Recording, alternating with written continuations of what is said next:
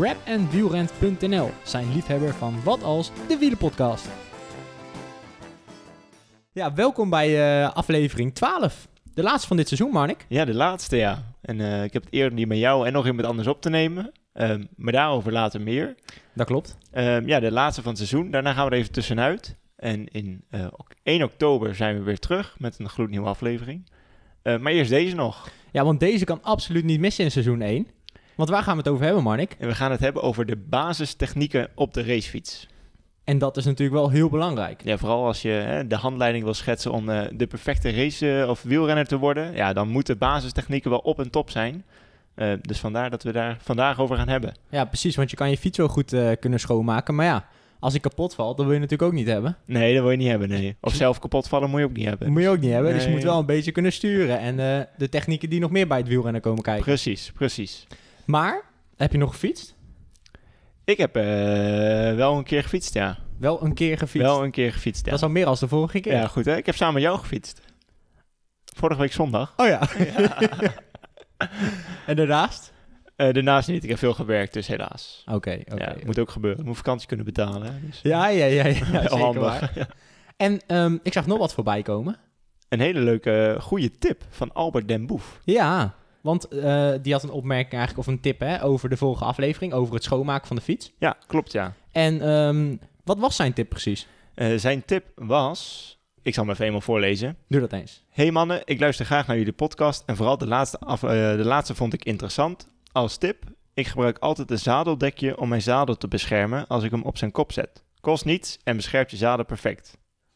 Kijk, handige tip, want dit gaat natuurlijk vooral over... Um, als je je fiets op zijn kop zet inderdaad, zoals je het, als je het water eruit wil laten lopen, zoals ja. uh, Jan al vertelde, mm -hmm, ja. dan uh, kun je dus je zadel beschermen door middel van een zadelhoesje. Ja, gewoon zo'n hoesje, zo'n regen, regenhoesje voor op je zadel. En dat, uh, dat beschermt je zadel perfect tegen krasjes en andere dingen. Kijk, goede tip. Goeie tip, nemen we allemaal weer mee. Oh ja. Daarnaast hebben we nog steeds een winactie staan. We hebben nog steeds een winactie staan voor de Cyclon Emmer, ja. Die loopt tot 31 augustus. Die, iedereen die kan gewoon meedoen. En uh, ja, er zijn gewoon vier simpele stappen die je even moet doen uh, om een kans te maken op de emmer. Ja, dus uh, kijk even op onze Instagram. Ja, zeker. en dan maak je nog steeds kans. Ja. Dus vooral eventjes bekijken. Delen, liken, bekijken. Vooral allemaal even doen. Precies, want dan hou je fiets wel wat makkelijker schoon. En, ja, er zitten hele handige dingen in. De, de, de, zoals we vorige keer hebben gezegd, de bike cleaner, de chain cleaner. Er zitten twee handige borsteltjes bij. een stappenplan hoe je het moet doen. Uh, en een mooie wax. Dus nou, ik uh, zou zeggen, uh, winnen. Precies. En je had de vorige keer over dat ik in Italië had gefietst. Ja, dat klopt. En voor de mensen die wel eens in Italië gaan fietsen, als je naar het Gardermeer gaat, ga een keer een rondje Gardermeer doen. Nou, nog een goede tip. dat, is ja. echt, dat is echt fantastisch. Wel druk, maar dat wel, vast wel, ja. Wel echt super mooi. Super mooi. Dan rij je door tunnels langs het Gardermeer af en dan kun je de bergen zo zien. Echt fantastisch. En zie je dan de hele tijd het Gardermeer? Uh, niet de hele tijd. Als je op een gegeven moment kom je natuurlijk ook in tunneltjes die iets langer zijn. Maar uh, bijna wel de hele tijd, ja. Ja, oké. Okay, dus op tunneltjes na kun je het gewoon uh, de hele tijd zien. Ja, ja, ja, ja zeker. Nou. En je kan ook nog je vrienden laten afzien, want die tunneltjes lopen ook nog lekker omhoog. Oh, lekker, lekker. Dus dat is ook altijd nog goed. Ja, nou mooi. Een goede tip voor de volgende keer. Precies. De Super Kudo rubriek. Maar ehm, laten we doorgaan naar de Super Kudo. Ja. Want we hebben een, een uh, nieuwe Supercudo. En eerst natuurlijk nog even het berichtje. Ja, eerst het berichtje van de... Van Willeke. Van Willeke. Ze heeft een heel leuk berichtje gestuurd. En die zullen we even laten horen. Hey mannen, wat leuk uh, om uh, als verrassing te, te kijken op uh, Strava. En verrast te worden met de winnaar van de uh, Supercudo. Uh, superleuk en grappig om, om dat te zien. motiveert ook wel om meer, meer kilometers te maken. ga ik ook zeker doen. Aankomende weken in mijn vakantie. Nou, voor jullie ook veel fietsplezier en maak mooie podcasts waar we weer van kunnen genieten. Hey, hoi hoi. Nou, wat een toffe reactie, Mark. Ja, nou, hè, dragen we toch nog bij aan de motivatie van, uh, van de fietser. Precies, nou, dat is sowieso goed. goed. toch? Ja, nee, zeker. Nou, de, de Rapidon en het pakketje uh, komt haar kant op. Ja, zeker. Komt en helemaal daarnaast, goed. Um, heb ik een nieuwe Supercudo gevonden. Oeh. Goed gezocht in de Strava Oeh, alles nagecheckt. Ja, gezocht. en wel echt een serieuze. Dit is echt een serieuze pluim. Oh, ik ben um, benieuwd. Oké, okay, de nieuwe Supercudo is voor Otto de Vries. Otto de Vries, oké. Okay. En uh, wat heeft Otto de Vries gedaan? Otto de Vries heeft de hel van um, de heuvelrug gefietst. De hel van de heuvelrug. De hel van de heuvelrug. Oké, en dat houdt in? Nou, ehm, weet je nog dat wij die tocht hebben gemaakt eh, door de heuvelrug en eh, ja, een paar klimmetjes hebben gepakt? Dat was echt al een tijdje geleden, maar hoeveel hoogtemeters pakken we dan gemiddeld? Oh jeetje. eh, geen idee. Nou ja, ik weet... Tijd geleden hebben Marnik en ik door de heuvelrug heen gefietst. En toen kwamen we terug. Toen zeiden nou, nu hebben we echt superveel hoogtemeters. En dat is vorig jaar bedoel je? Ja, ergens vorig jaar. oké. ja. Dat- uiteindelijk viel het dus reuze mee, dat weet ik nog wel. Uiteindelijk hadden we 400 of zo. Ja, zoiets. En dan hadden we echt wat klimmetjes gepakt. Ja, ik, ik dacht echt, nou, nu gaat het lekker hoor. Nu zitten we hoog, maar... Helemaal niet. Maar Ja. Otto de Vries heeft er 1400 gefietst in de heuvelrug. Jeetje. Dat is wel een serieus tochtje geweest. En ehm, hij fietste dat met zijn vrienden. Die deden 170 kilometer. Zo, En hij pakte er nog 30 bij. Dus hij Twee- 200 kilometertjes. 200 kilometer. Netjes, netjes. Dus dat was wel echt heel serieus. En eh, ik denk zeker dat dat eh, de superkudo verdient. Ja, zeker. En daarnaast, ehm, hij had een rustdag ervoor. Ja. En de dag daarvoor deed hij de Elfstedentocht solo. Jeetje. Nou, Die is in vorm. die is in vorm. Die Die, kan vorm. zo meedoen met, eh, met de tochtjes en de, en de wedstrijdjes als die er zijn. Ja, ja. Kijk, normaal ga ik de superkudo op de fiets brengen. Maar op zich mag hij hem ook wel zelf komen halen nu. of niet dan? Ja, daar ben ik het wel mee eens. Daar ben ik het wel ja, mee nee, daar ben ik het wel mee eens. Nou, laat, eh, laat wat van je horen, Otto. En eh, ja, dan komt de superkudo pakket eh, van Rap naar je toe.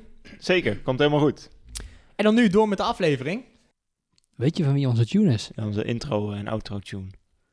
Hij, De- kom- hij komt je denk ik wel bekend voor. Als je de avondetap hebt gezien. Dan. Ja, dan, dan denk ik wel, ja. Maar dat, Welkom bij Wat Als, de wielenpodcast waarbij wij. Marnik, Jeffrey. en Niels jou informeren en inspireren Van wie is over die? alle ins en outs uit de wielerwereld. is dat niet... Ehm, hoe heet zij nou? Iedereen is Die actrice? welkom bij Nee. ons avontuur op zoek heet zij nou? perfecte fietser. Zo- Dat was een Frans... Ja, die. Ja, die ja. Ik heb ze zien zingen. Ze was in Twente aan het zingen daar. Live. Ja. Begin met een E.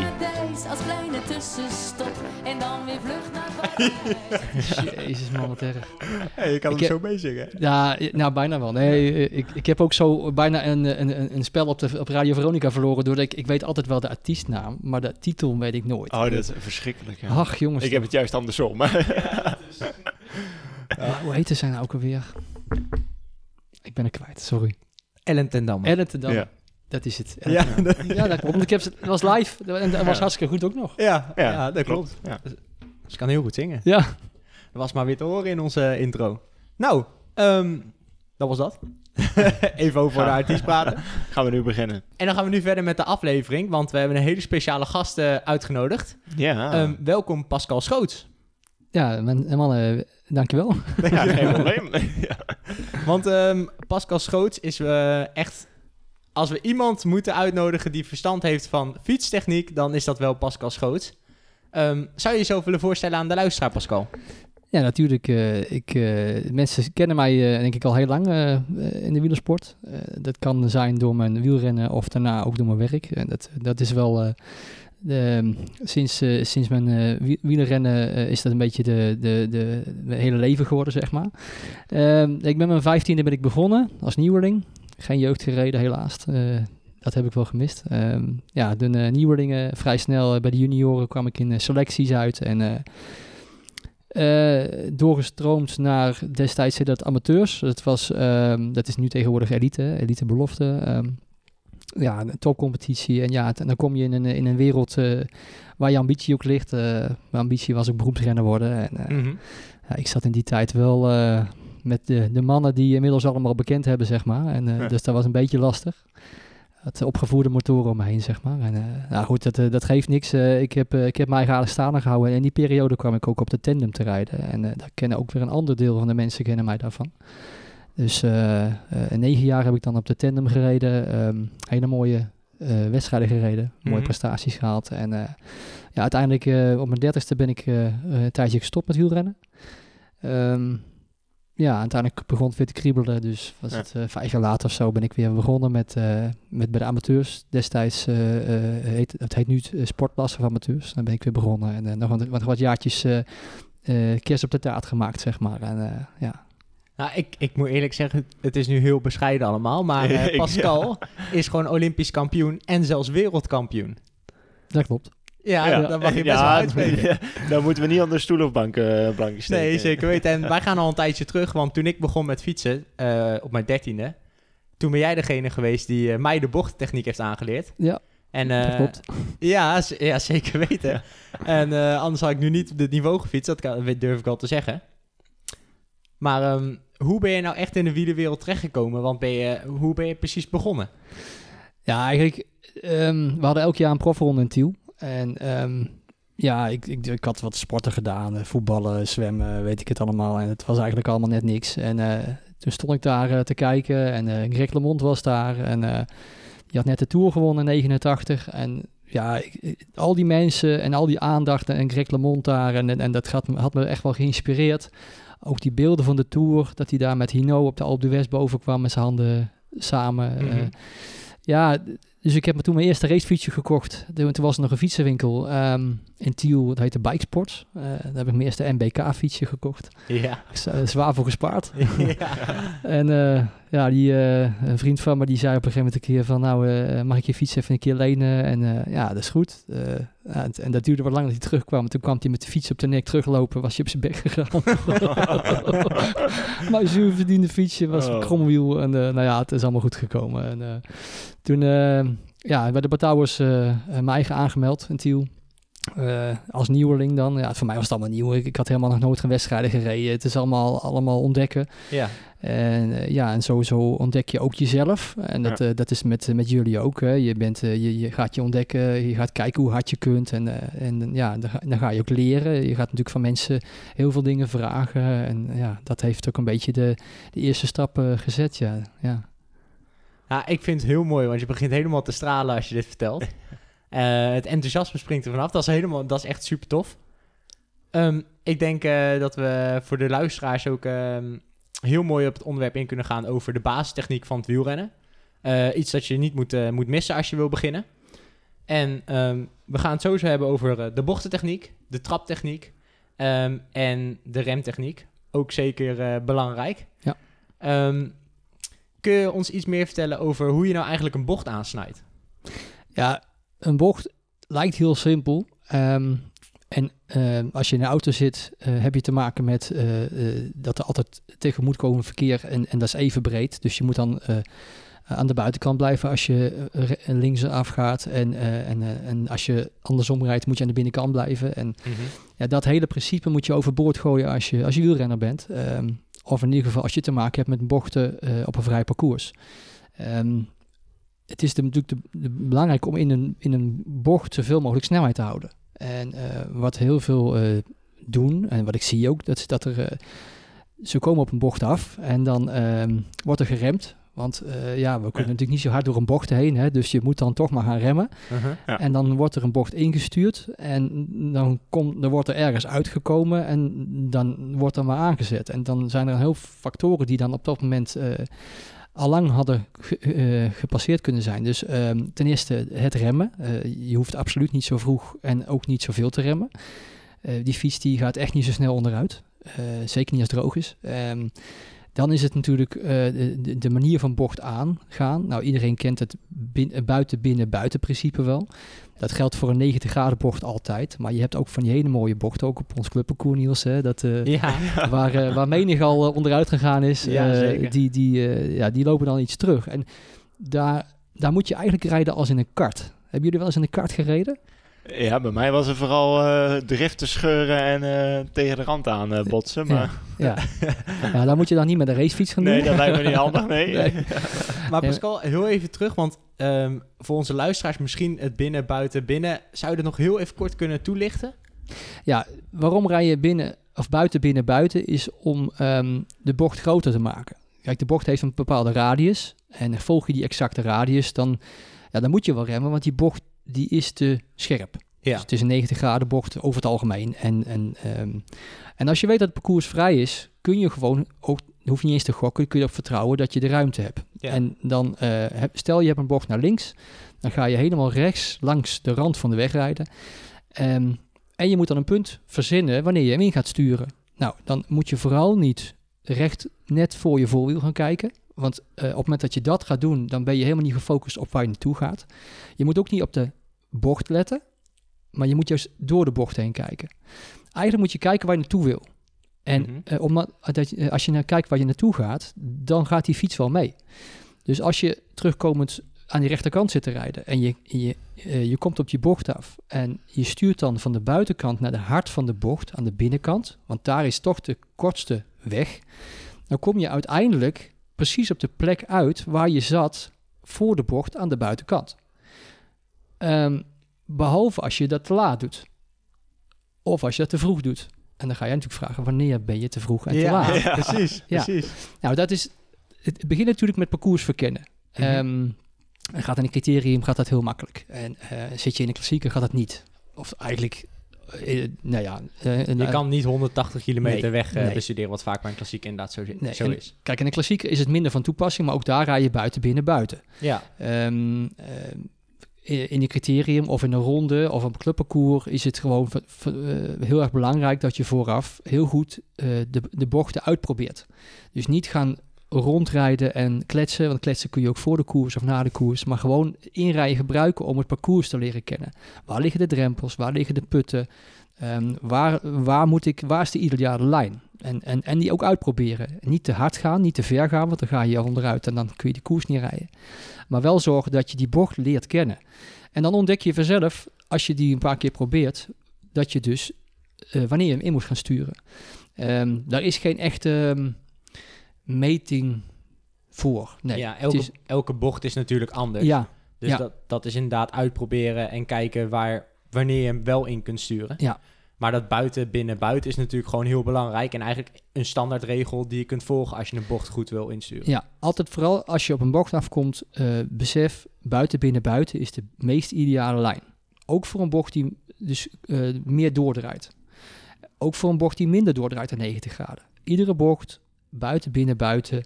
eh, als je dat aanhoudt, is het geen probleem. Dan kun je die bocht gewoon nemen zo hard als je het zou kunnen. Ja. Ehm, dan heb je natuurlijk te maken met eh, ehm, eh, dus de, de, de bocht zelf, maar je hebt ook te maken met banden.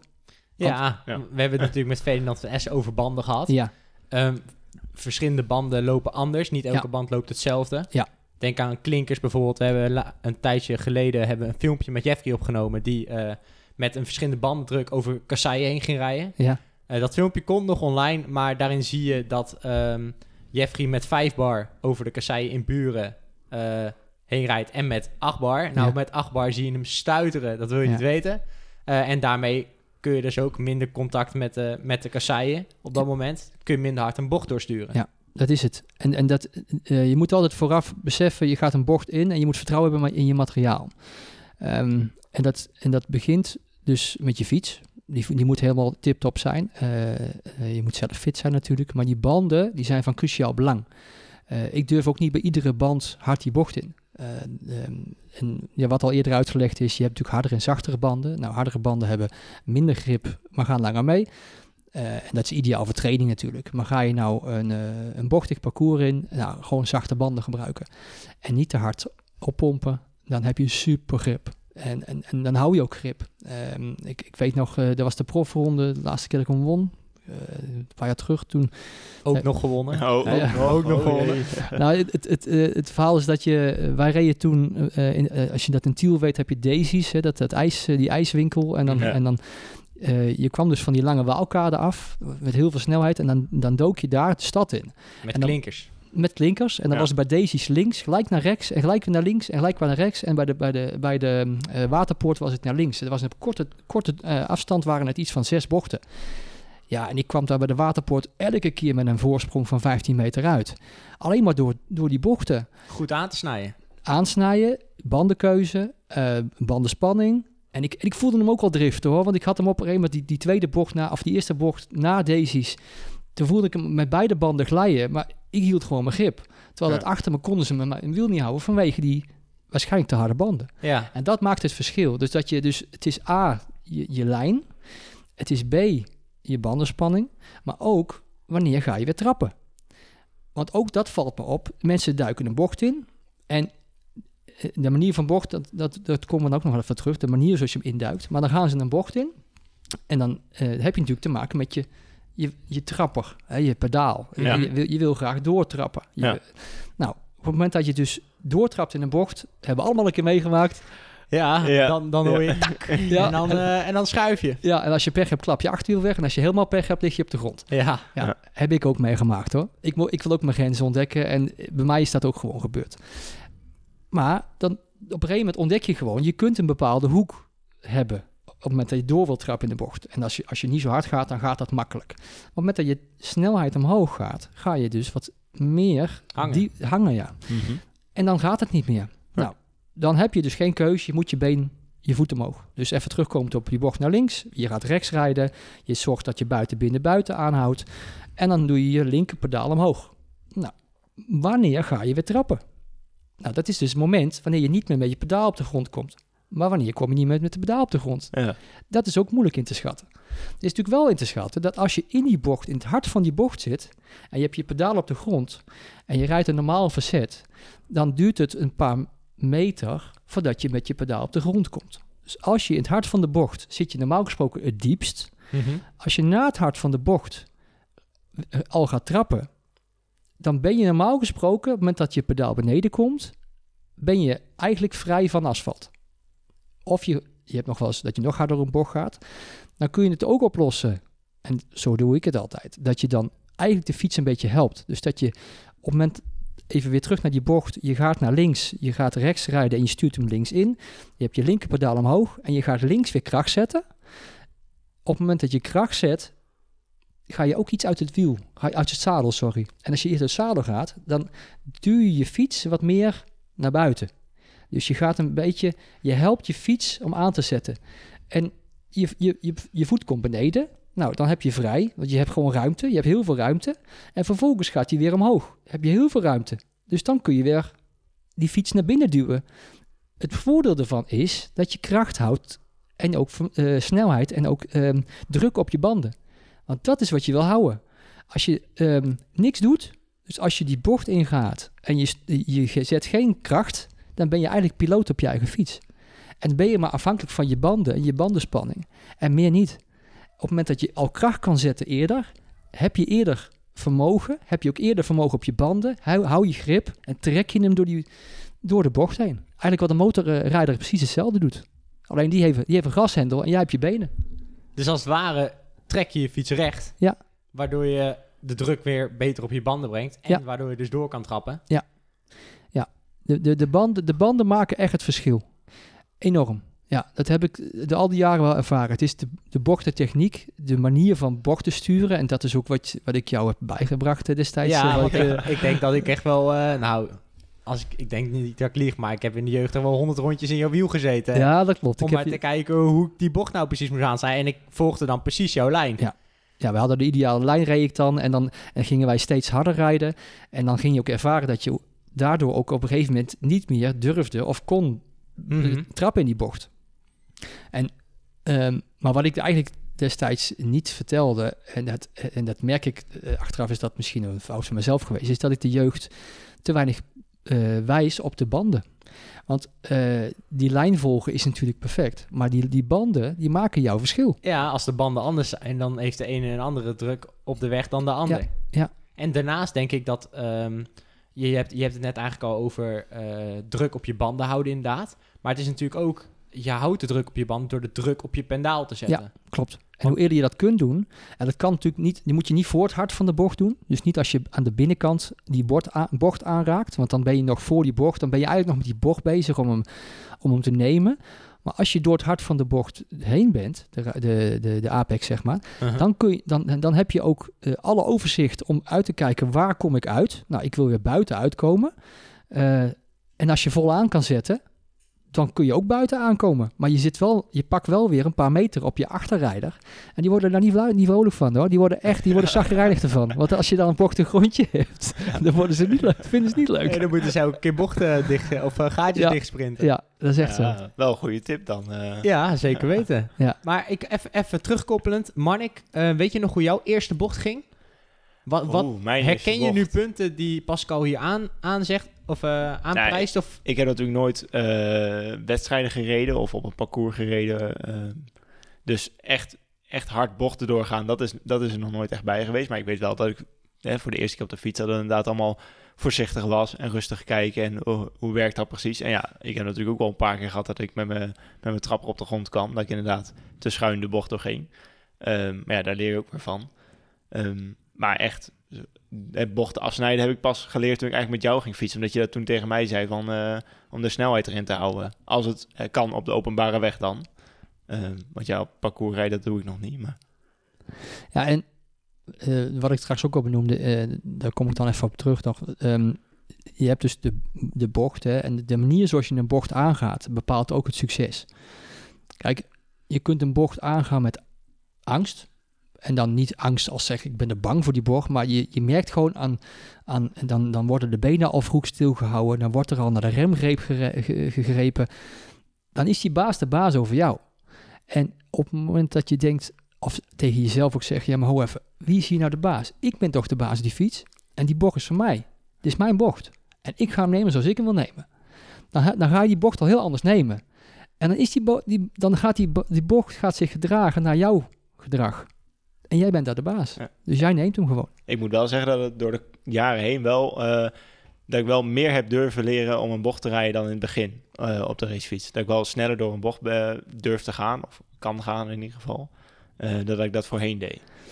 Nou is het zo, nou praten we natuurlijk nu over een bochtentechniek, eigenlijk in een tijdrit.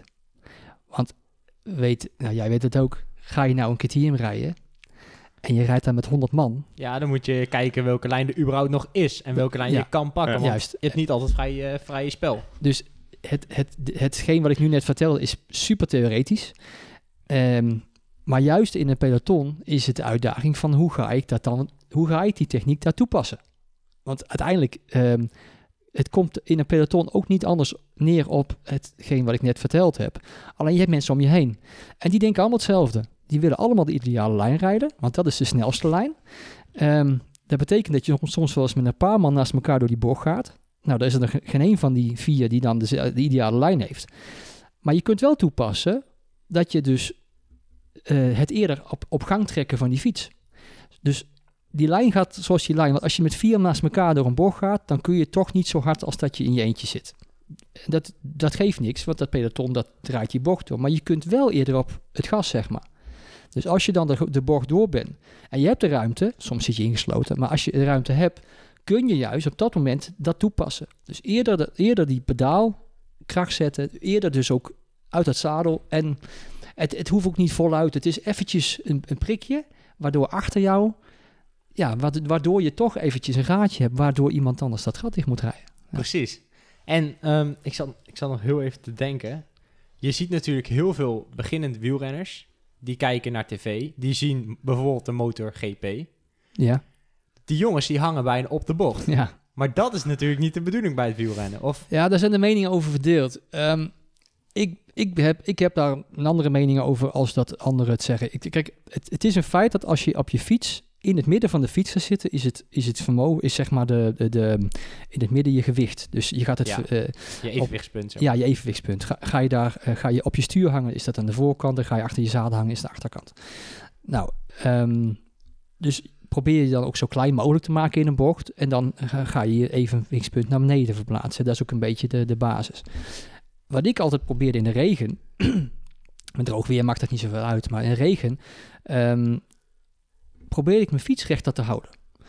Niet als een motorrijder, want dat werkt niet. Dan Nee, kun je dus dat is eigenlijk het tegenovergestelde dus. In plaats van dat je met je knie op de grond tegen het asfalt gaat hangen, Ja. probeer je dus jou eigenlijk je fiets rechter te houden. Juist, dat is het.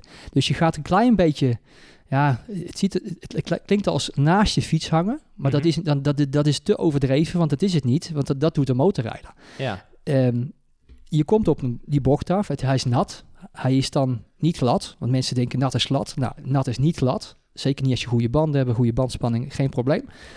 Maar eh, je, je moet wel opletten. Nou, en als je dan zorgt dat je je fiets rechter kunt houden in die bocht, dan heb je ook minder kans dat hij onderuit glijdt. Dus wat ik dan deed in zo'n, eh, op zo'n manier, toch gewoon de basis buiten, binnen, buiten. Ook het, het eerder op gang trekken, want op het moment dat je dus kracht zet op je pedaal, heb je je vermogen, hou je grip en hou je ook hou je, je eigen recht. Maar toch, als je dan weer terugkomt naar die bocht naar links, je gaat weer buiten een, een rechterkant rijden, je zorgt dat je, je zit midden op je zadel, je gaat, je gaat iets, je, je, verzet je iets naar links. Dus je gaat toch iets naast, nou ja, je, je, je, je bil op je zadel zitten. In plaats Mhm. van precies het zadel tussen je billen. En je stuurt hem in dat je je fiets net iets wegduwt naar rechts. Ja, het is, het is, een, het is een techniek die je eigenlijk moet, gewoon moet proberen. En je eigen, je eigen moet maken. En op het momentje dat je dat doet, krijg je dus het effect dat je die fiets het dezelfde manier door die, bu- die bocht stuurt zoals je het ook normaal doet. Alleen je fiets is rechter. En kun je dus ook harder. Ja. Ja. Ja, ik weet nog wel, Niels, wij waren ehm, ook, was bij de postbank hebben we gefietst. Mhm. En dan heb je daar ehm, een weg naar beneden. Heb je een kronkelafdaling. Ja, en jij elke keer, dat was de eerste keer dat ik echt hard door een afdaling zou gaan. Eh, dus elke keer als we een bocht kwam, dan ja, riep je, zegt coach me van, dat je je been die je eh, naar beneden hebt, dus niet het been dat omhoog is, maar naar beneden, dat je daar druk op moet houden. Maar waarvoor is dat? Is dat om dan de bocht goed door te komen of om druk op je banden te houden? Of... Ja, sowieso. Je, je- je, moet als je daar eh, druk op houdt, hou je ook druk op je fiets. Dan hou, hou je ook grip. Eh, op het moment dat je niks doet, dan heeft die fiets jou in je macht. En dan ben je gewoon alleen maar een bijrijder. En dan heb je er totaal geen controle over. Op het moment dat je dus dat, eh, die druk houdt, dan hou je ook die fiets in bedwang. Mhm. En, eh, Dus eigenlijk de controle van de fiets, dat is echt het belangrijke. En Ja. dat is ook de reden dat je eh, druk op die pendalen moet houden Ja. wanneer je een bocht instuurt. Ja. Dus als je naar rechts gaat, eh, je rechterknie gaat al automatisch omhoog natuurlijk dan. En dan zet je op je linkerbeen of op je linkerpendaal, zet je de druk. Druk, ja. Zodat het evenwicht van die fiets ook goed blijft. Ja, dus Ja. die doe je een beetje, probeer je naar beneden te doen als het ware, zeg maar. Ja. En niet die knie naar buiten. want Dat, de, je bent geen motorcoureur. Nee, dat heeft ook helemaal geen zin, die, die knie naar buiten. Eh, de, maar gewoon zorgen dat je, eh, dat je je fiets, dat je bewust bent van wat je met je fiets doet in Ja. zo'n bocht. Ja. En wat ik ook zei, je hebt, eh, ehm, waar ik straks mee begon, je hebt, we hebben wel eens gekart. Ehm, eh, dat helpt enorm in het rijden van bochten. Let er maar eens op. eh, je hebt, eh, als ik dan eens op een kartbaan was, eh, dan, dan zag je een, een, een, groepje eh, van, die, van die gasten. En, die, en die, die gaan dan voor het eerst met elkaar karten. En dan, eh, dan zie je ze dus een bocht nemen. Maar die, die sturen gewoon veel te vroeg die bocht in. En wat krijg je dan? En dan niet los van dat drift hè, met de karten, dan krijg je dat je dus dat je hem in de bandenstapel parkeert. Want je bent gewoon te vroeg ingestuurd. Maar als je nou met een kart, als je snelle tijd rijdt op een kartbaan, dan moet je juist laat Insturen. Ja. laat insturen. En dan maak je hem korter. Dus je, je stuurt hem later in, je maakt hem korter en je, je kunt eerder op het gas. Dat is met een racefiets ook. Als jij met die racefiets die bocht iets anders instuurt, en, en in Tiel op de, eh, op de parcours is het eigenlijk een perfect, perfecte bocht om dat te oefenen en te doen. Mhm. Dat is de, bij die bus, bij, dit, bij Krol daar zo. Hè. ja. Als je daar net iets later, als je hem naar links instuurt, niet te vroeg, want dan kom je met hoge snelheid ergens in het gas uit. Gebeurt vaak genoeg. hè, Ja, ja, echt. En, eh, en ik, heb, ik probeer die jeugd erop te hameren ook. Als je hem daar iets later instuurt, heb, dan, is, dan is die bocht niet meer de bocht zoals die is, maar dan is het jouw bocht. Ja. Dan is het jouw ronding en dan maak jij de bocht zoals jij hem wil maken. En dan kun je hem ook eerder aan het gas geven. Dan kun je nog een hardere ronde rijden, Niels. Nog een Nog een harde ronde. Dat denk- moet ik weten. Ik denk natuurlijk dat mensen denken van als ik, als ik het zo hè, eerst naar buiten ga, dan naar binnen, dan naar buiten. en Alsof je dan als het ware een langer parcours aflegt, meer meters maakt. Maar dat is natuurlijk, in principe is dat misschien wel zo, maar je maakt een, sneller, een snellere bocht. de, de, de, zeg maar de exacte lijn is natuurlijk het, het, het, midden van de, van de, het midden van de asfaltweg. En als je die dan gewoon eh, volledig neemt, ehm, dat is dan de echte, de echte eh, afmeting. Maar het gaat niet, de afmeting is niet belangrijk. Het gaat Ja. om hoe snel je dat Ja. kan maken. En eh, ook al maak je dan wellicht iets meer meters, dat maak je totaal goed met meer snelheid. Nee, ja, dus dat is helemaal Ja. niet erg. Nee. Voor normale eh, beginners, zeg maar, of eh amateurrenners, die rijden normaal op de weg. Ehm, nou heb ik, zie, zie ik heel vaak persoonlijk dat, eh, stel er ligt bijvoorbeeld een grind, een klein beetje grind op de weg. Die renners die kijken met hun ogen naar dat grind. En nou, of ze gaan onderuit, of ze gaan vol in de remmen. Wat, hoe, kunnen, hoe kunnen mensen dit nou makkelijker oplossen om, om wel zo goed een bocht door te komen en niet meteen in de angststand te schieten? Ja, en dat is makkelijk zeggen op, achter een tafel dan, dan op die fiets. Want ik, ik heb het ook meegemaakt dat ik in die situatie kwam. En ook dan ben ik ook onderuit gegaan. Want uiteindelijk, je, je, het, is een, het is een fractie beslissing. Ja. En, ehm, en je hebt geen grip. Want grind is geen grip. Eh, het enige wat je zou kunnen overwegen is om wellicht rechtdoor te kunnen sturen. Maar ja, op de openbare weg, de kans dat er een auto aankomt of iets is natuurlijk eh, enorm. Ehm, eh, dus zo- zo'n bocht, die, die, die, dat overkomt je. Remmen kan je niet, want remmen is, geval, is vallen. Dus dat Mhm. is ook al klaar. Ehm, dus ja, je, je, je moet dan eigenlijk op hoop van zegen toch de techniek toepassen die je dan weet van bochten nemen. Maar eigenlijk is het, kijk, eh, als je echt hard wil gaan, eh, dan moet je gewoon een rugnummer op doen en een koers gaan rijden. Want we weten allemaal, op de openbare weg zijn we zo super kwetsbaar. En op het moment dat, dat je dus tussen auto's zit en je, en je zit op een, eh, op een parcours eh, met auto's, dan moet je gewoon opletten en, en beseffen dat je die bocht niet zo hard moet nemen. En, en als je dan bijvoorbeeld door een bos rijdt met een, een grindpad aanlok- verlokkelijk is om toch harder te gaan rijden. Ja, besef wel dat je op de openbare weg rijdt waar altijd van allerhande dingen kan, kunnen voorkomen en je verliest, eh, dat je wint de koers of je wint je, je ambitie of je, je toertocht die je wil gaan rijden niet in die bocht. Dat win je door je trainingsschema volledig te kunnen afwerken. En Ja. die bocht die gaat jou niet helpen. Dus eh, besef, ik, ik probeer ook altijd in training daar, eh, daarvan af te blijven. De, de, die, die, die, die, die hardheid, die- ja, je kunt je helemaal gek rijden op een lange stuk weg, maar in die bochten hoef je dat niet op de openbare weg. Nee. Nee, precies. Dus op de openbare weg, hè, neem gewoon geen risico Nee. als je iets ziet. Ja. en ik Nee. denk, andere externe factoren waar ze rekening mee kunnen houden... heb je misschien voorbeelden zoals eh, de witte strepen waar... eh, Ja, die, die zijn, glad kunnen zijn. die zijn altijd glad. Ehm, i- ik heb het eh, eh, vorige week nog ervaren in Italië. Dat niet eh, alleen de witte strepen, maar als het heel lang niet geregend heeft. En toevallig heeft het net geregend. Nou ja, dan, eh, dan, dan ben je ook gewoon een schietschijf. Ja. Want ehm, eh, wij zaten, ik zat in Italië dan en eh, ik was met mijn zoon aan het fietsen. En, eh, en ik zeg nog tegen hem, let op, want het heeft niet veel, het heeft niet geregend al een tijd. En vandaag, het was wat druppelig. En, dus let op, kan, daar kan glad door zijn. En nou ja, we, we gaan op een gegeven moment een stuk weg. En, en het was allemaal droog. En in één keer in die bocht was, had het, ge, had het gere of gedruppeld. En had het nou maar hard geregend, dan had de olie en de viezigheid weggespoeld. Maar Ja. dat was niet zo. Dus de, de, het, het, het vocht was op die weg blijven liggen. En wij, we gaan die bocht in. En ik met al mijn bochtenervaring en techniek. Je hoeft niet eens je rem aan te raken. Want je, je hoeft niet eens te denken aan ik, ik, wat, de, de, de, de techniek, de techniek die je hebt. We gingen. En ik, en ik heb het voorgedaan. Hij deed precies na. We gingen allebei, we gingen allebei net zo hard onderuit. En ja, ehm, dus het overkomt mij ook. ja. En, dat, eh, en dat, is ook, dat is ook niet erg. Eh, dat hoort bij fietsen. Eh je moet vooral beseffen, dat fietsen hoort ook vallen bij. En eh, het hardste van de wielersport is toch het asfalt. Dus eh, daar moeten we toch... eh, ja. Ja, dat, is, Ja. dat is zeker waar. Ja, Ja, die heb jij vaak meegemaakt, eh Ja, Niels. ja, ja, ja, ja, ja, vallen hoort erbij, jammer genoeg. Maar eh, nou ja, ik denk sowieso hè, voor in Nederland, voor de fietsers, eh, inderdaad, je zegt olie op de weg. Het kan natuurlijk hier ook zo zijn als het dan tijd niet heeft geregend. Ja. Daarnaast putten hebben we ook de nodige ervaring mee, denk ik. ja, ja putten, kijk, op openbare weg is het een put omdat je dan ook eh, zeg maar minder hard rijdt, dan heb je daar ook minder last van een put dat die glad kan zijn.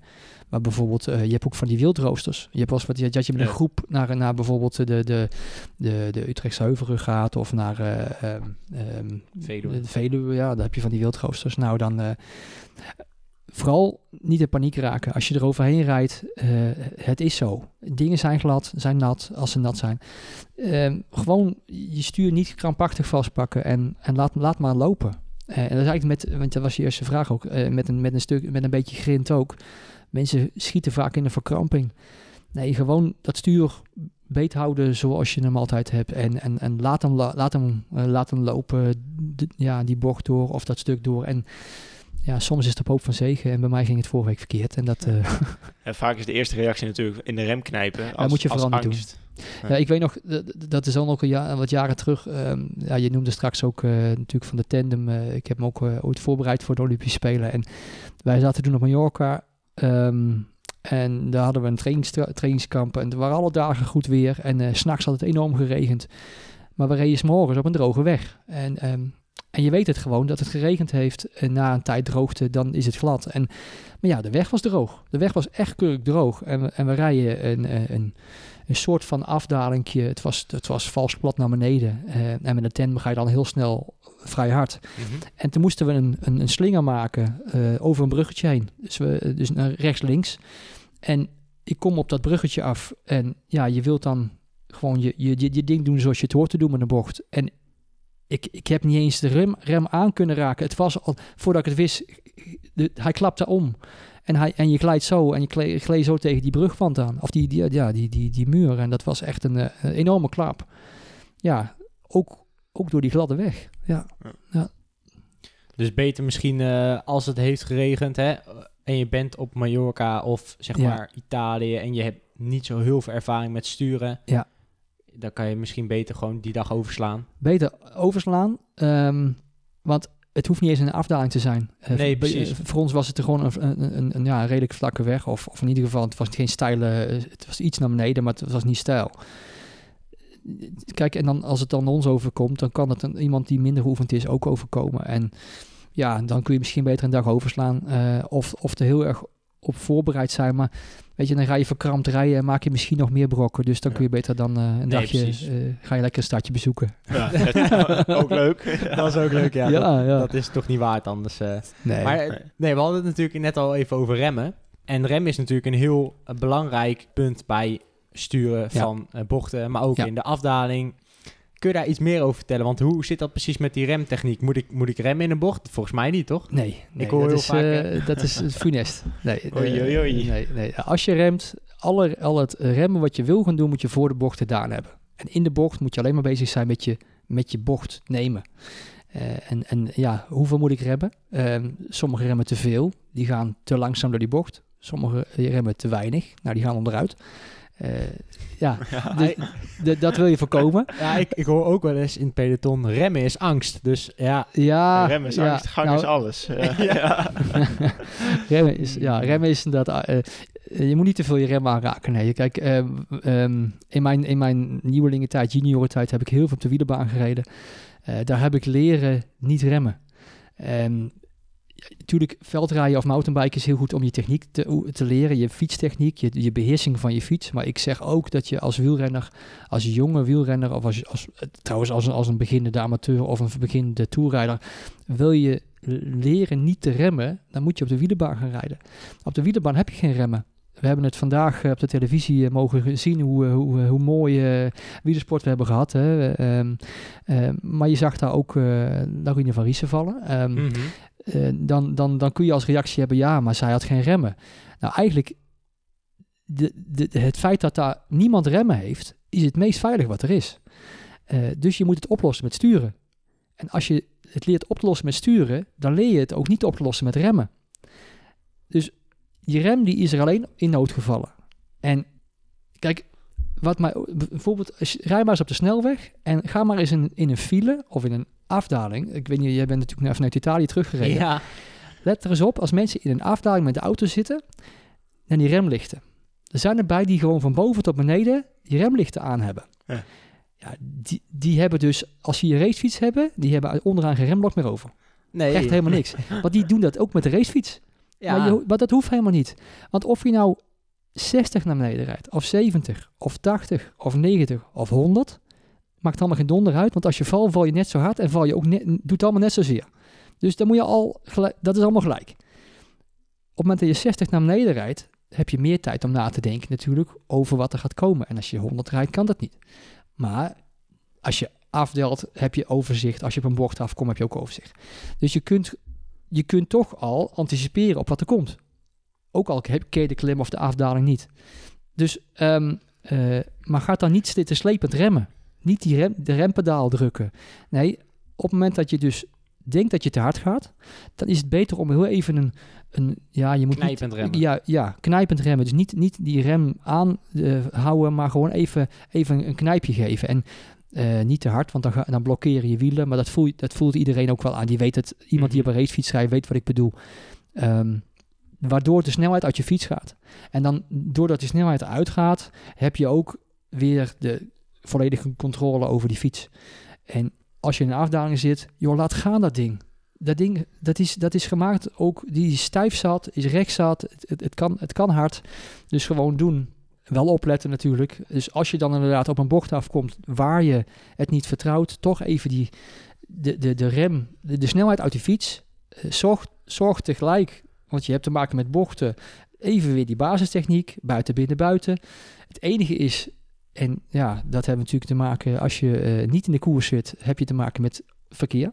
Ja. Dus ook al wil je heel graag die Stelvio, die 48 bochten binnen, buiten, binnen, buiten rijden, eh, eh, of de Montebaldo, eh, dan, eh, nee, dan, dan, dan, dan moet je toch beseffen dat je, jouw, jouw binnen is de middellijn van de weg als je de bocht naar links draait. En niet het hart van de, de apex van de bocht. Want ja, daar kan maar zo een auto aankomen of iets. Eh, Ja. en, eh, dus de, en zodra je dus naar rechts draait eh, dan, eh, en je hebt overzicht, dan kun je dat wel toepassen.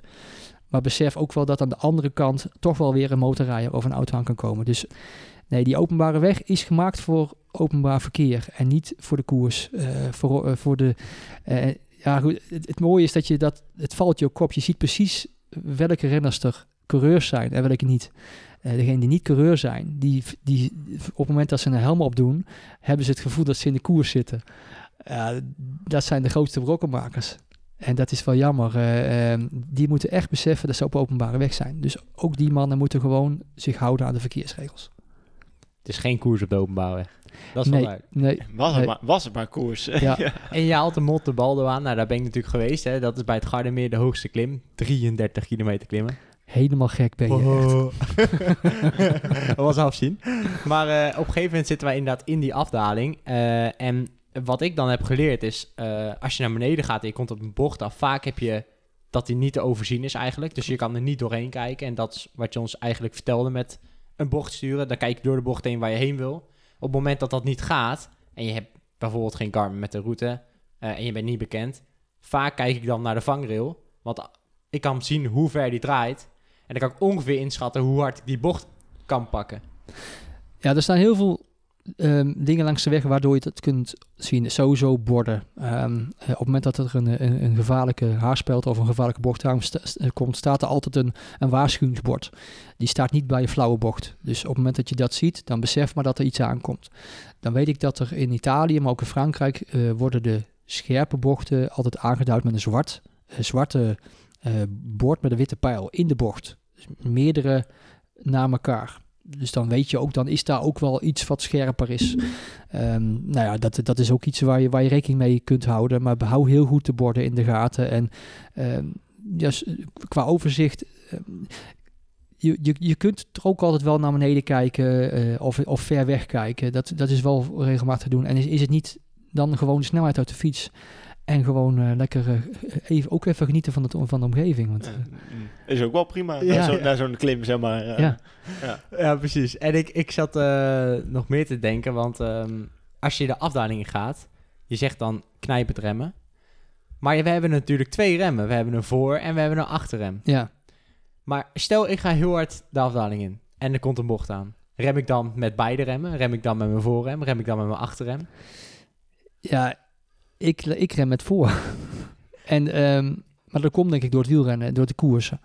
Ehm, Want het is wel belangrijk natuurlijk, je rem met voor. Maar stel dat ik heel hard in mijn voorrem dan knijp. blokkeert je voorwiel. En ja, je- en dan je vlieg ik over mijn fiets heen. Maar dat is achter net zo. Achter, als je dan gaat hij slippen en dan, eh, dan ben je hem ook kwijt. Maar ik bedoel, breng je dan je evenwicht, dat breng je dan, lijkt me, naar achter. Want ik ga dan vaak achter mijn zadel hangen, waardoor het, e- waardoor het gewicht achterop ligt. Ja. Waardoor ik beter met mijn voorrem kan remmen. Ja, ja natuurlijk, je, je, je gebruikt allebei de remmen. En zeker ook als het een hele, hele ehm, eh, eh, scherpe bocht is, of een dan, dan, dan moet je niet alle druk op je voorrem leggen, want dan ga je problemen creëren.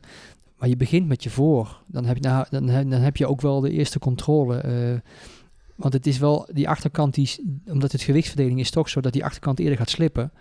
En het is niet zo dat die, achter, dat die voorkant sneller gaat eh, wegglijden. Eh, dat is ook de reden dat heel veel met die, e- met die voorrem als eerste eh, toch beginnen. En dan, en dan bijhelpen met die achterrem.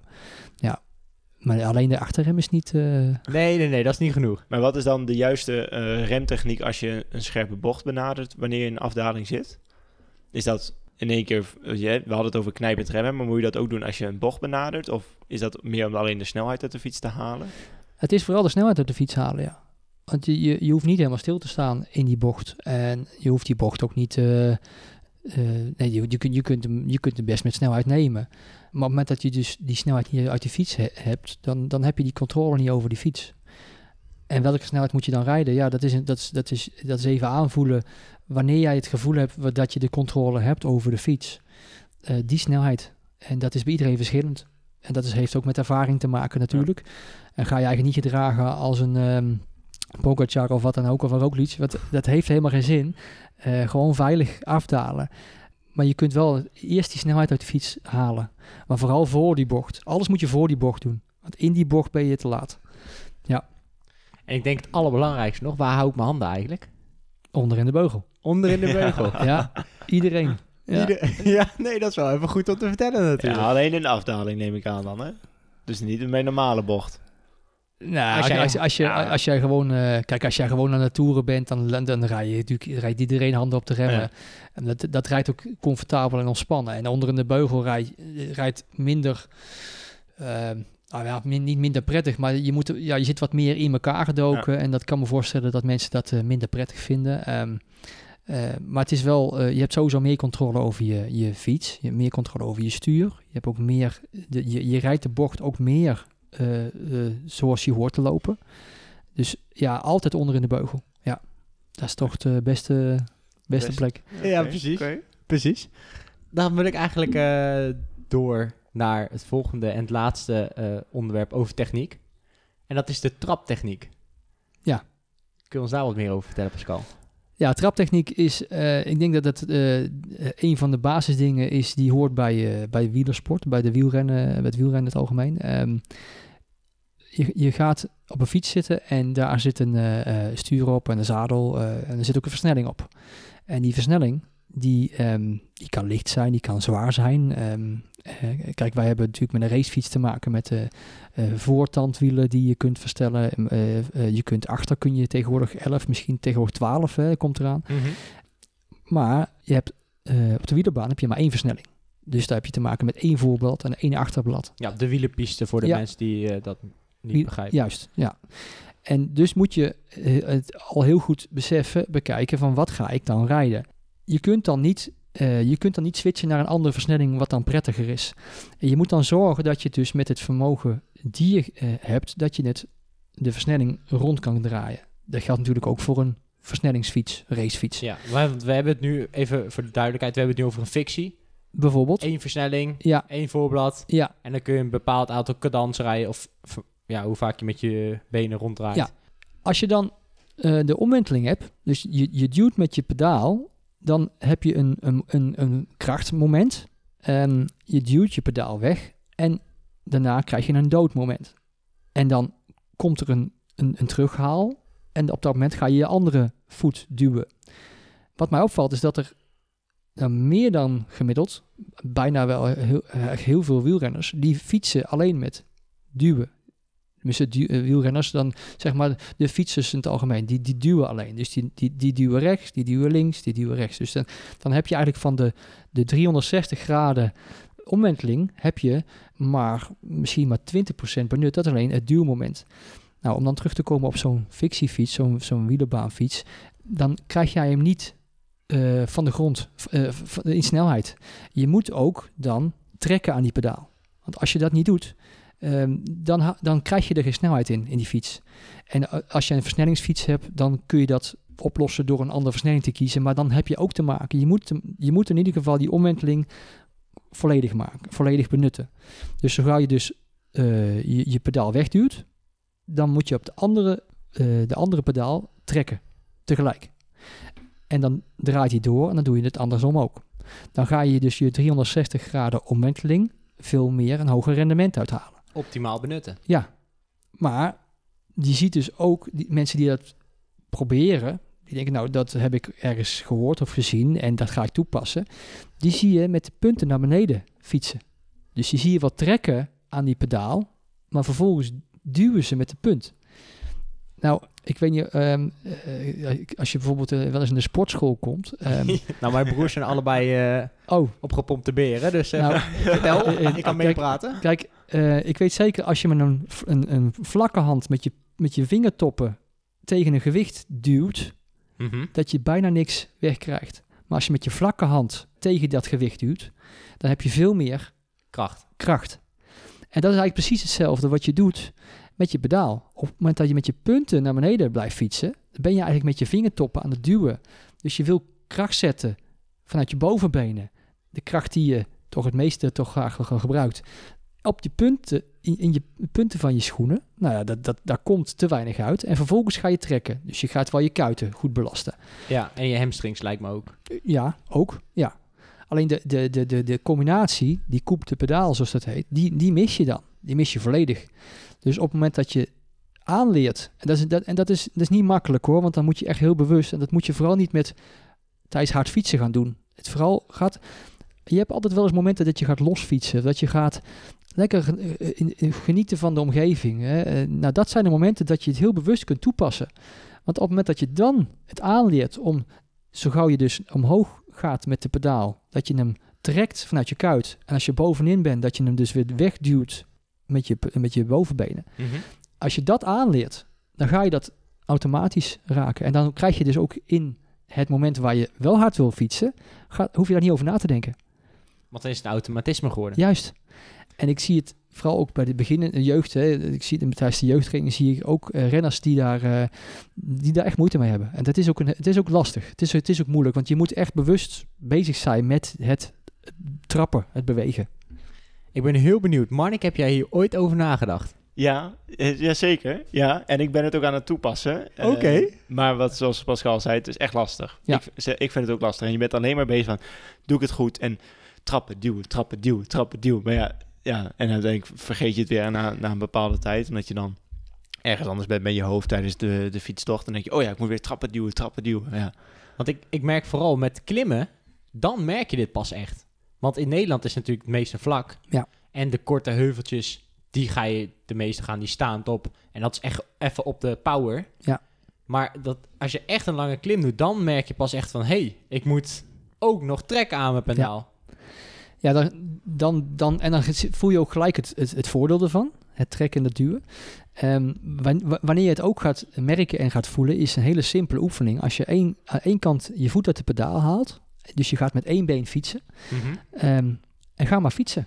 En ga maar eens wat harder fietsen. Dan zul je merken dat je het niet gaat redden met je punt duwen. Dan, moet, dan ga je uit, automatisch je, je pedalen kantelen. Want je gaat dan ook echt het duwen, trekken, toepassen. Anders ga je snelheid in de fiets krijgen. Dat is de beste oefening, ook om, het dan, om dat te oefenen. Alleen het, het, het, het fietst natuurlijk voor, het, is- het fietst voor een meter. Maar dat is wel een oefening Ja, die je kunt ja. toepassen om dat een beetje onder de knie te krijgen. En ook om te ontdekken hoe het werkt met het draaien en het, eh, het kantelen. Maar het is wel inderdaad, uh, Mark, wat je zegt, het is, het is wel heel bewust. eh, be- eh, eh, bewust zijn waar je mee bezig bent. Ja. En, en, Ja. ehm, en zo gauw je dat eigen wordt, ga je daar ook niet meer over nadenken. Dan wordt het een automatisme. Ik had inderdaad in het begin ook wel dat ik dan mijn punt naar beneden zette. Maar ja, gewoon puur omdat je dan denkt van...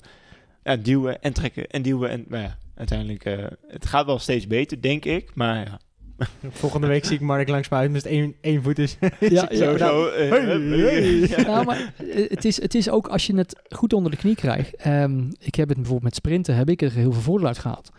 Kijk, eh, sprinten is, is, is, ook een, is ook een vak.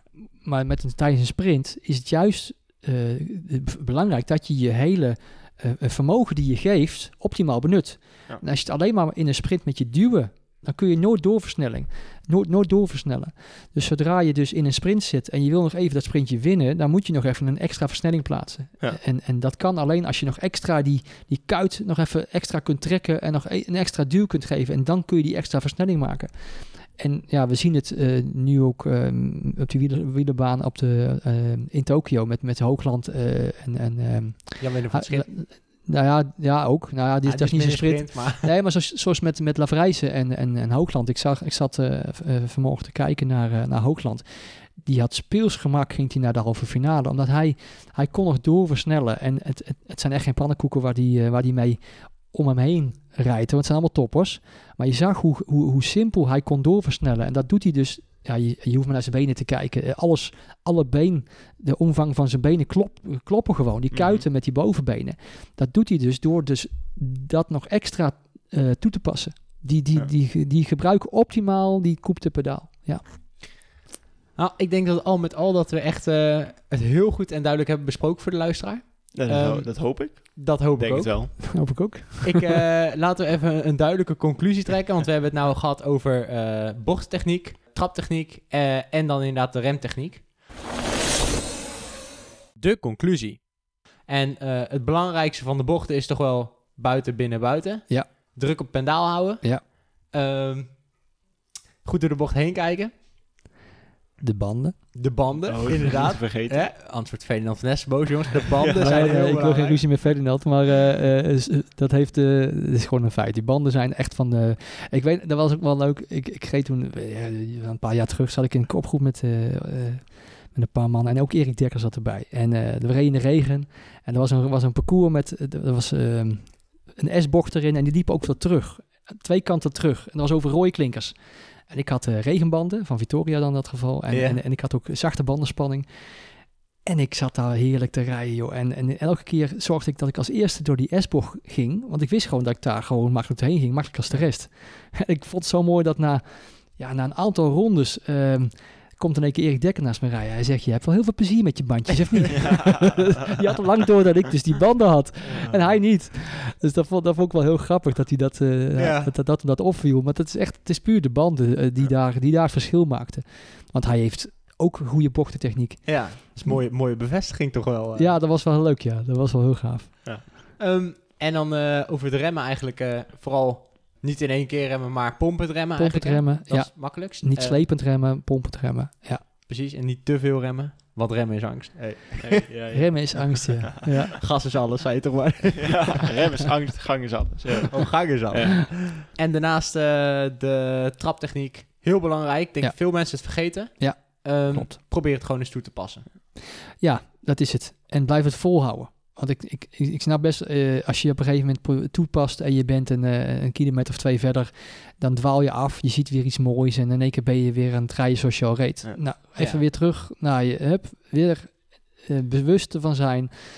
En, en, en doe het vooral als je de tijd ervoor hebt. Niet als je met een groepje aan het rijden bent, want dan ben je toch met andere dingen bezig. En dan, eh, ja, dan- nee, gewoon lekker als je zelf eh, aan het fietsen bent. Precies. Na deze geweldige conclusie ben ik wel benieuwd naar... zijn er nou bepaalde eh, oefeningen die je kunt toepassen om deze technieken te verbeteren? Dus we hadden het net over dat één been eh, fietsen voor de, voor de traptechniek. Ja, die traptechniek inderdaad, eh, dat is echt een ideale. En dan zorg dan ook, want uiteindelijk moet je dan ook je basis daarin goed hebben. Je moet je spieren wel voorbereid hebben. Dus Ja. als je dat gaat doen, dus je gaat ook vanuit je kuiten gebruik maken, gaat dan ook je kuiten trainen. Dus ga niet met ongetrainde kuiten dat doen, want dan ga je, eh, dat kan best wel eens eh, schade geven. Dat, eh, een spierscheuring of wat dan ook. Dus eh, eh, vergeet met, als je dan de sportschool induikt of je, of je doet het op een andere manier, vergeet zeker niet je kuiten. Kuit op de trap, hè? Op de, Kuit op de trap, eh, bijvoorbeeld. Naar boven en naar beneden. Ja, bijvoorbeeld. Ja. Nee, dat zijn echt dat zijn hele simpele oefeningen die je dan doet, maar dat, dat is echt een basis die je niet moet vergeten. Nou, sowieso, je, je, je spieren moeten daar ook wel, eh, eh, want op het moment dat je het gaat duwen en trekken, ga je dus je spieren ook eh, nog meer belasten dan dat je alleen maar aan het pedaleren bent. Dus gaat je je spieren goed onderhouden. En dat, eh, dat kun je helemaal optimaal maken door massages, maar dat, Ja, dat, dat, eh, dat komt nog verder in, eh, Ja, in de handleiding. In seizoen eh, twee of drie. eh, Precies. Maar ik denk vooral, hè, Marnik, eigenlijk met je vraag, heel vaak doen gewoon. Zo'n bocht sturen bijvoorbeeld. Ja, ga eens bij Ja. iemand in het wiel zitten die heel goed een bocht, een hele mooie lijn rijdt. Daar kun je alleen maar van leren. Nou, en sowieso, kijk, als je er ook nog steeds twijfel over hebt, zoek gewoon ehm, contact met mensen die er verstand van hebben. Iedere club heeft wel mensen die daar, eh, eh, die daar, die daar kennis van hebben. En, Ja. ehm, en dan hoef je niet eens eh, de wedstrijdrijder ervan te worden. Of, of nee, helemaal niet. Je kunt gewoon maar zo'n wielerclub je eigen aanmelden en zeggen, joh, ik, ik fiets heel graag, maar ik verlies gewoon in de bochten. Ja. Help me alsjeblieft. Vaak zijn er op, op van die wielerclubs ook wel avonden waarop ze dat soort dingen trainen, Klopt, volgens mij. ja. Op de, bij de Batouwers is dat donderdagavond, vooral voor jeugd. Maar dat, ook daar is iedereen welkom die het ook maar aanvoelt eh, dat ze techniek tekort komen. Ja. Maar ehm, eh, nee, maar eh, me- meld je eigen sowieso aan bij een club. En dan is er altijd wel tijd te vinden om... het, het hoeft ook niet lang, hè. Het- het- je kunt met een paar aanwijzingen... ehm, wat ik dan meestal doe, ik ga eerst even achter iemand rijden. Eerst kijken, hoe gaat hij de bochten door? Wat, hoe, gaat, hoe, hoe pakt hij hem aan? Ehm, nou, en dan, dan gaan we dat al fietsend analyseren. Dan ga ik het daarna doen. Ga ik het voordoen. eh, hoe, je het dan, hoe ik het zou doen. En, en dan vervolgens vraag ik aan die persoon of die datzelfde wil gaan doen. En dan gaan we ook de snelheid verhogen. En ja, goed, ik heb dat met, met jou ook gedaan, Niels. En dat, dat is eigenlijk een... Op die manier leer je iemand wel ervaren hoe, wat een bocht allemaal kan. Want je kunt heel veel in een bocht. Ja. Je kunt heel veel winnen in een bocht. Ja. Ik vind dit een hele mooie afsluiter om door te gaan naar de wielenterm. Want- een goed idee. Ja, want we hebben inmiddels al meer dan een uur lopen praten. Dat is niet normaal, maar het Ah. vloog zo voorbij. Zoveel informatie. Ja, het is eh. inderdaad heel snel gegaan. Ja. Ik had, eh, Je hebt het niet door, nee, ik had het zeker niet door, nee. Ehm, maar Pascal, we hebben aan jou gevraagd of dat je een wielerterm eh, wil eh, meenemen. En eh, welke wielerterm wil je aan de luisteraar meegeven? De wielertermpjes rubriek. Ja, nou, ehm, er zijn natuurlijk eh, heel veel wielertermen eh, te bedenken. eh, maar iets, iets wat mij het eerste in het hoofd schiet is de plakker. De plakker. Oh, de plakker. Nou man, ik vertel. Want eh, ik weet dat jij hier een heel leuk, eh, heel leuk verhaal ja, bij we hebt. hadden het van tevoren voor de opnames hadden we het erover. Niels en ik waren een keer aan het fietsen en, eh, en we draaien zo een, een bocht eh, naar links of naar rechts eh, de wind eh, tegen in. En eh, in de verte wa- waren we al een man tegengekomen, die hadden we voor, net voor de bocht hadden we die bijgehaald. En in de bocht eh, eh, gaan we in zijn wiel, wiel zitten. Ja, het was wind tegen, dus ik ben niet gek. Ik blijf er lekker achter zitten. Hij ging niet op kop. Een beetje sparen. Ik ging niet op kop, nee. En we draaien uiteindelijk weer terug, de wind mee in de rug. En nou, de man die bleef hetzelfde tempo aanhouden. En ik denk van, nou, we hebben nu wind mee. We kunnen even weer, weer een tandje erbij. Dus ik... uiteindelijk de man voorbij en Niels achter mij aan, ook de man voorbij. En uiteindelijk hoort Niels nog, eh, nog achter zich en ik eh, die man roepen... Vieze Duitser! ja, Wat zou die daar toch mee hebben bedoeld? die vond dat niet zo leuk dat wij aan het eh, plakken waren. Precies, precies. Want plakken betekent, Pascal? Ja, dat, is, eh, dat zijn die mannen die altijd in je wiel blijven hangen en dan een sprintje winnen. Hè, dat, is eigenlijk, dat zijn altijd die... Maar één ding, hè, die worden, geen, dat worden niet de, echte winnaars, hoor. De echte winnaars, die zijn degene die dus op kop gereden hebben. Want die gaan het wel redden. Nee, dat is echt... eh, en je hebt ze overal rijden, die plakkers. En, eh, ja, ja. Verschrikkelijk volk. ja. Ja, weet je, dat is... ik, ik, ik, ik, rijd dan inmiddels ook met mijn zoon, of andersom. Tegenwoordig, ja, eerst rijd hij met mij, maar tegenwoordig rijd ik met, met hem. En, eh, en als wij dan samen rijden, dan eh, hoor ik wel eens, eh, dan rijden we op een, op een renner af en dan zeg, hoor ik, pap, kom joh, even, even gas erop, want eh, even de hard voorbij. En eh, die heeft er zo'n hekel aan als, als, als er dan zo'n plakker in het wiel komt hangen. Dus dat, eh, ja, dat... eh, Ja, of, of je doet de Jeffrey-techniek. Hè? Dus als je, als je iemand in het wiel hebt zitten, dan eh, steeds een tandje erbij om hem helemaal dood te laten gaan. En uiteindelijk sterft hij toch wel in je wiel. Dan, eh, dan ben je er ook voorbij. Ja, ja nee, die zijn, eh, er zijn inderdaad heel veel van die mannen. Die, eh, ik weet niet waar de, de plakkerschool is, maar die, eh, die, Ja. die, die schijnbaar ook... Er is ergens ook een, een, misschien ook wel een podcast over plakkers of zo. Ik weet het niet, maar ik, ik ken hem niet. Maar ze, ze zijn er, echt. Oh, het is ook ja. echt... eh, ja, dus, en eh, die komt er niet meer vanaf. Het is net ook eh ongedierd. Het, het, komt, Ja. het, het, is, het, het is er gewoon, echt. Nee, we- je moet ze ook hebben. Het, is dit maakt het wielrennen ook leuk. Weet je, het- Nee, het, leuke van plakkers is, daar komen de leukste verhalen van. Ja, dat En, en, dat is ook, en dat is wielrennen. En daarom zitten we ook hier. Precies, precies. En zo is Ja. dat. Ja. Nou, ik wil je hartstikke bedanken Graag voor gedaan. eh, deze podcastaflevering. Eh, ik vond het ontzettend leuk. Ja, genoeg informatie denk ik, eh, waar de luisteraar eh, goed op kan teren de, de komende tijd. Dat denk ik ook. Dus eh, werk aan je bochten. En eh, de techniek, eh, en in de tijd dat wij weg zijn en zodra we terug zijn, dan eh, kan iedereen keihard fietsen. Ja, Kijk, precies. ja. Want eh, wij zijn er eventjes tussenuit. Wij gaan er eventjes tussenuit. Maar niet getreurd, want Er komen nog een aantal wielerverhalen aan, dus eh, er is altijd nog eh podcast. eh, genoeg om te luisteren. precies. Nou, eh, fijne avond. Ja, jullie ook. Dankjewel voor eh, Ja, succes eh, aan de luisteraar om te gaan oefenen. ja, heel veel succes. Ja. ja. Leuk dat je luisterde naar Wat Als, de Wielenpodcast. Wil je meer afleveringen luisteren? Op zoek naar de perfecte fietser? Abonneer dan nu via Spotify, iTunes of jouw favoriete podcast app, zodat je geen aflevering meer mist. Of wil je kans maken op de Super Kudo? Word dan nu lid van onze club. Wat Als, de Wielenpodcast op Strava. Ken jij meer wielerliefhebbers die deze aflevering absoluut niet mogen missen? Deel hem dan. Of laat een review achter, zodat ook andere wielerliefhebbers ons weten te vinden. Het liefst natuurlijk met 5 sterren. Sluit je nu aan bij ons peloton en stuur jouw stelling vandaag nog op via Instagram, wat als de wielenpodcast, of via de mail, wat als de podcast, of stuur een audiobericht naar ons telefoonnummer 06 82 61 2419.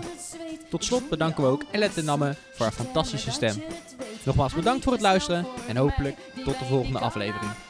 Alles wacht op jou, op de.